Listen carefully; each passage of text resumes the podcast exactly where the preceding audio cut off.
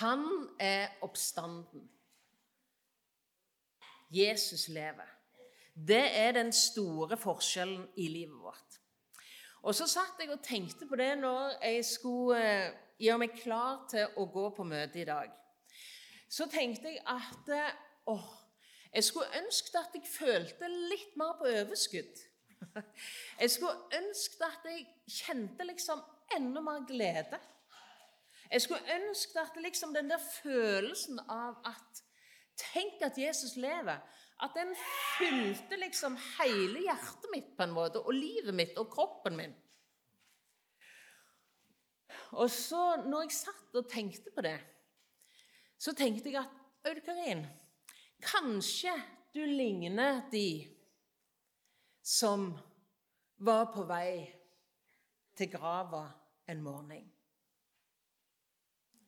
De kvinnene som hadde funnet fram olje som hadde funnet fram urter, som hadde lagt alt til rette for at Jesus At Jesus sin kropp skulle få det beste stell etter at han var død.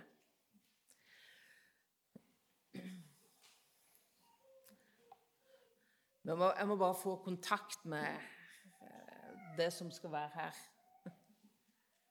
Mm.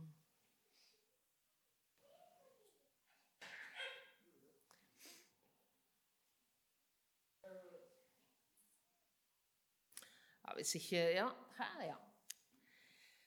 Jeg følte meg litt i slekt med de som hadde gjort det de kunne for at Jesus sin kropp skulle få det beste stell. De var på vei til å på en måte Altså, det var ikke noen sånn seiersfølelse for disse kvinnene.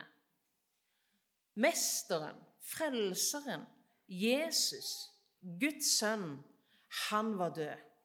Hva nå? Hvor går veien videre?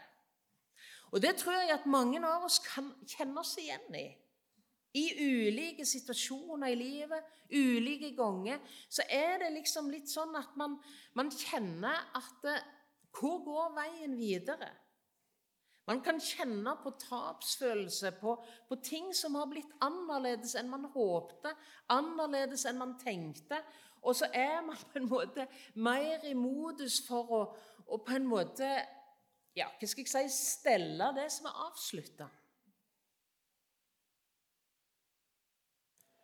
Det siste disse kvinnene hadde sett, det var at det var en gjeng med sterke mannfolk som hadde rulla steinen foran grava som Jesus var lagt i.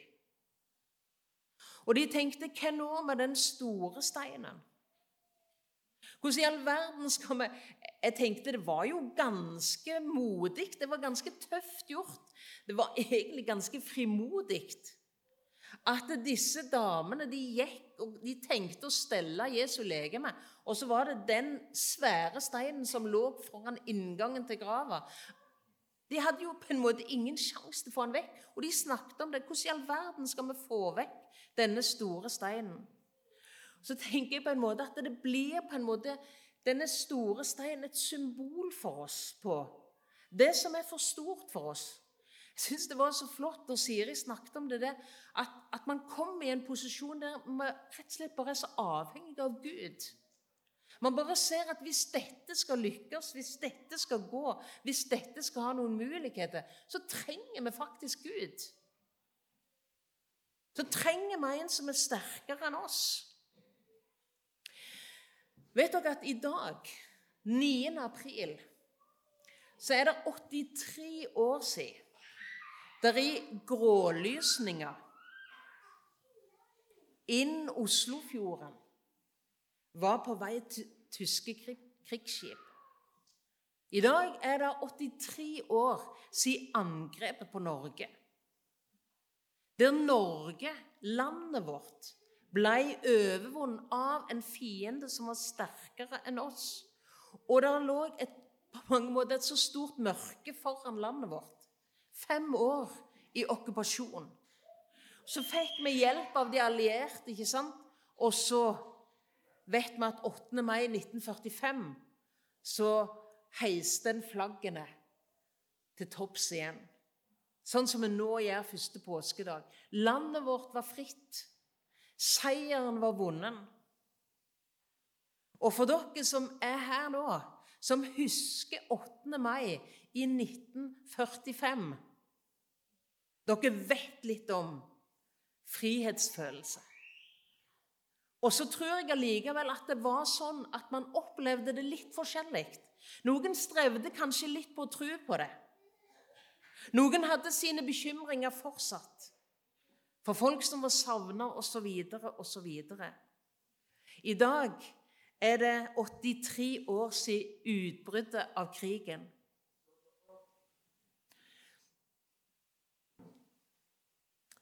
Det ble en så annerledes morgen. For en kontrastfylte dag for kvinnene som kom til grava. De gikk for å salve en død kropp. Første sjokket de får når de kommer til grava, det er at steinen er velta ifra. Og de kan bare gå inn. Og så ser de at kroppen til Jesus er vekke. Han er ikke her lenger. Og så er det en mann i skinnende klær som kommer og sier han er ikke her. Han er oppstått. Han er ikke her. Han er oppstått. Jeg syns det var Det ble så sterkt for meg og godt for meg når jeg var her på møte på langfredag. Langfredagen som så ofte ikke sant, som er prega av mørke, lidelse og nederlag for Jesus. ikke sant? Det ser ut som at Jesus taper. Disiplene de går på nederlag på nederlag på nederlag. De, har, de svikter. Det går galt for dem. De, de, de, er der ikke for Jesus. De ser Jesus bli gravlagt. De ser Jesus dø. Og så husker jeg det første som Kjetil sa når han talte på langfredag så sa han Jesus han dør i triumf. Så tenkte jeg går det an å dø i triumf? Det som ser så nakent ut, det som ser så skjørt ut, det som ser ut som det store nederlaget, fiender som på en måte har fått det som de ville. Men så ser det så annerledes ut ifra den himmelske synsvinkelen. Det ser så annerledes ut ifra Guds utsiktspunkt. Jesus han dør i triumf. Det er seierherren. Han som sier 'det er fullbrakt'.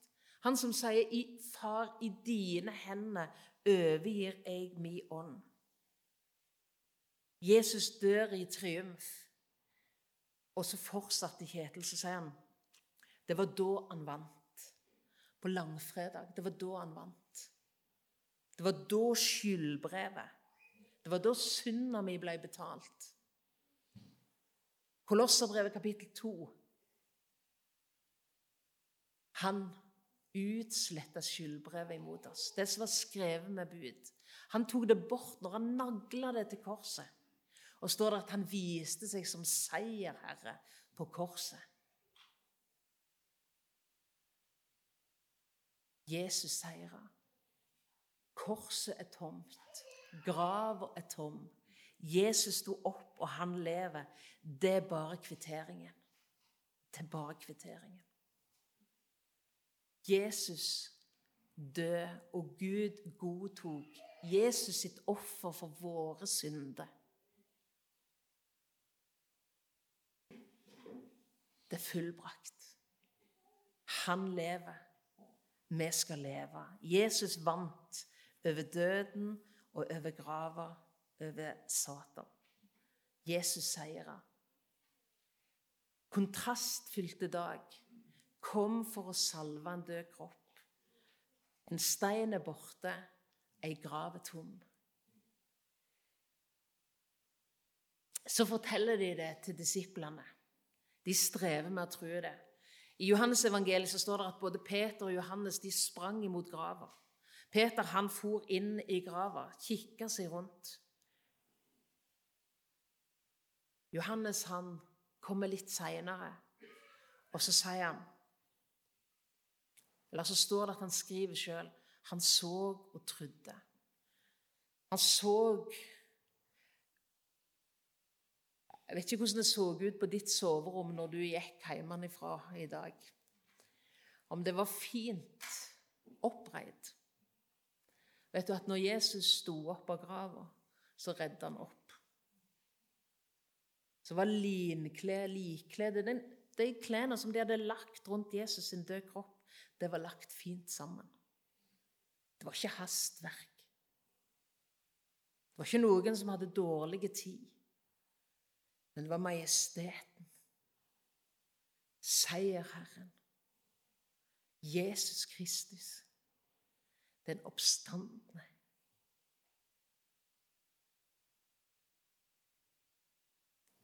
Kan vi tro på dette, da? Kan vi tro på dette, da? Det er jo så mange som fornekter det. Noen av oss har gått på alfakurs. På alfa der er det en eh, film eller en undervisning som handler om hvem er Jesus. Og Der, står, der snakker de om noe spennende om oppstandelsen. Nå skal vi bruke et par-tre minutter på å se en snutt fra filmen om Kan vi tro på Eller den delen av filmen om Jesus.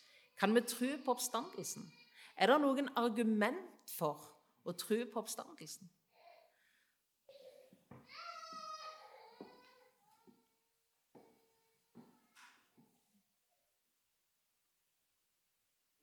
absence from the tomb.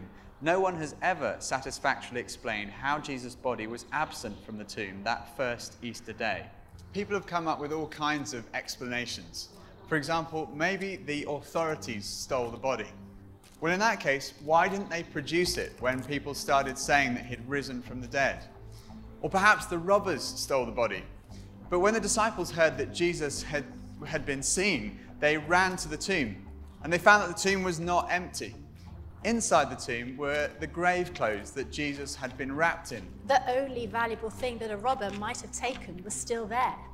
The grave clothes had collapsed like a caterpillar's cocoon when a butterfly has emerged. And the piece that had been around Jesus' head had been folded up and put in a different place. And when they saw that, they believed. The second was his presence with the disciples. Jesus was seen on more than 11 occasions, on one occasion by a group of around 500 people, People say, well, it could have been a hallucination. Well, hallucination does happen among highly strung, very nervous, or highly imaginative people, or people who are sick or, or on drugs. But the disciples don't fit any of those categories. They were cynics like Thomas. There were tough fishermen. There were tax collectors, and tax collectors do not hallucinate. The third piece of evidence is the transformation that we see in the disciples. Here was a group of people who were disillusioned despairing that their leader had died. And then suddenly they were transformed. They started saying, We've seen Jesus, he's really alive. And they went around telling everybody. Later on, practically all of them were killed, crucified, tortured, beheaded because of what they believed. And if they were deceiving people, all they had to do was say, No, no, no, no, it's not actually true. But they never said that because they knew it was true it had totally transformed their lives. And as a result, this extraordinary movement swept around the whole known world. And it's a movement without precedent in the history of humanity. And fourth, it's still happening today. There are now over 2.3 billion Christians around the world, of every ethnicity, continent, nationality, economic, social, and intellectual background. They all speak of this encounter with the risen Jesus Christ.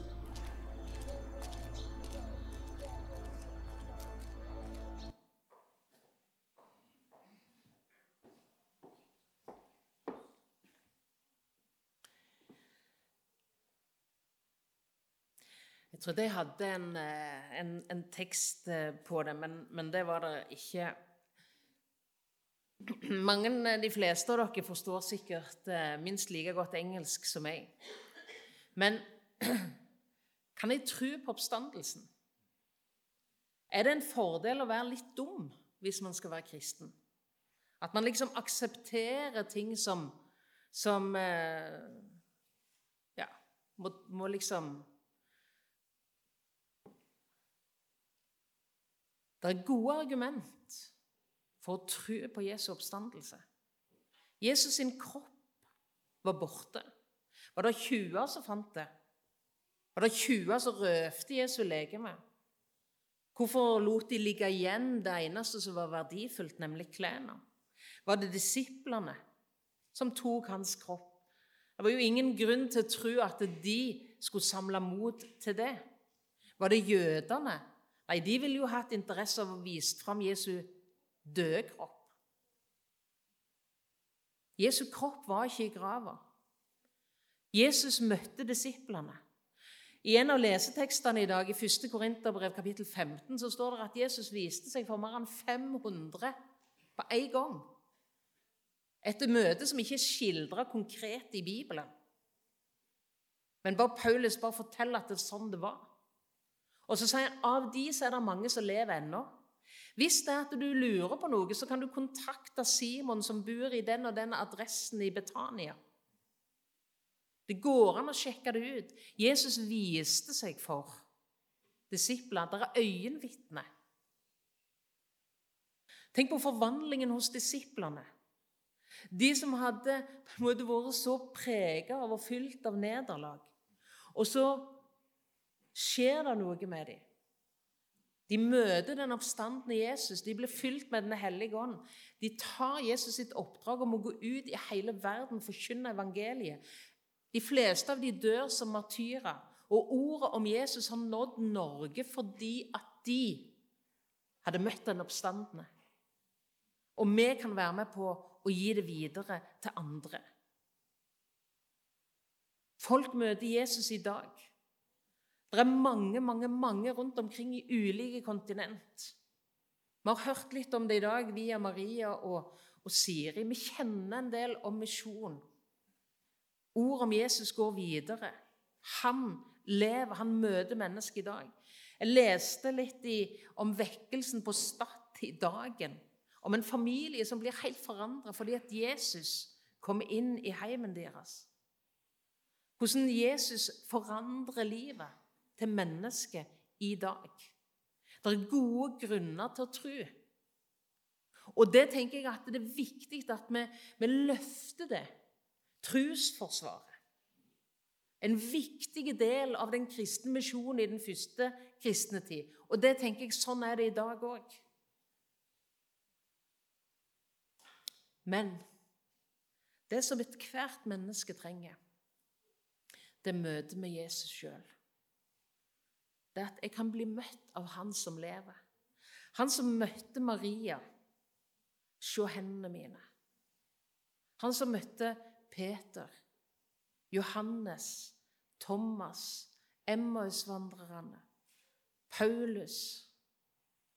Han som møtte mine foreldre, min mor i en vekkelse hjemme på bedehuset på Varhaug min far når han gikk på Tryggheim. De har gitt det videre til meg. Du har fått av noen. Og så har du blitt møtt av Jesus gjennom hans ord. Han lever. Se hendene mine. Møtet med Jesus, den oppstandende. Graven er tom, sang Magnus så fint.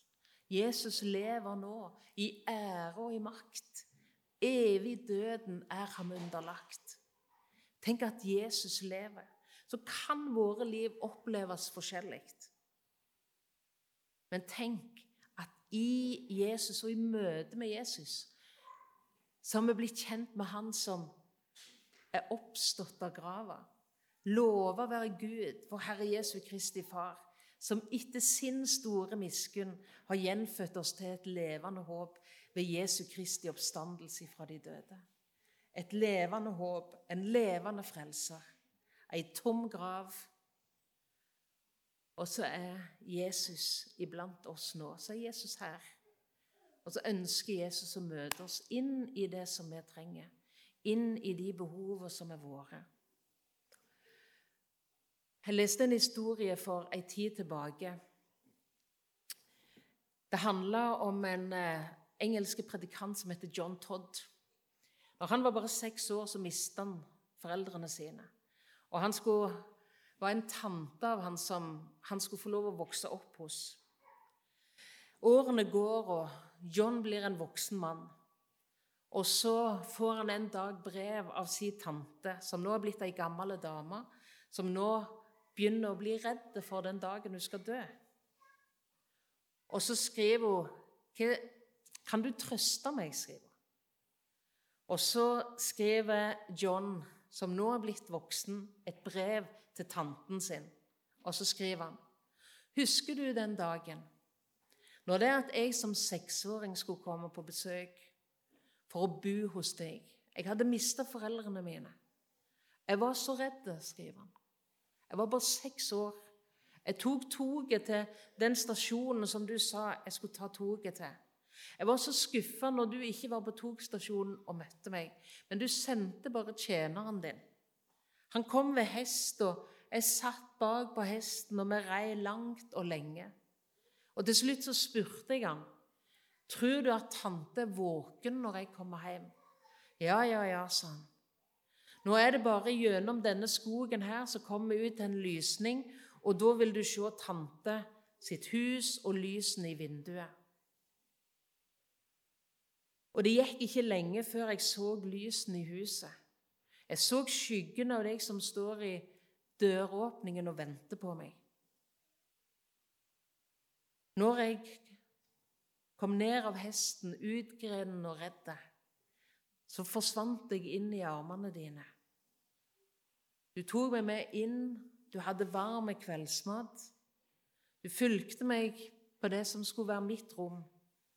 Du satt med senga mi, sang og ba med meg, og satt der helt til jeg sovna.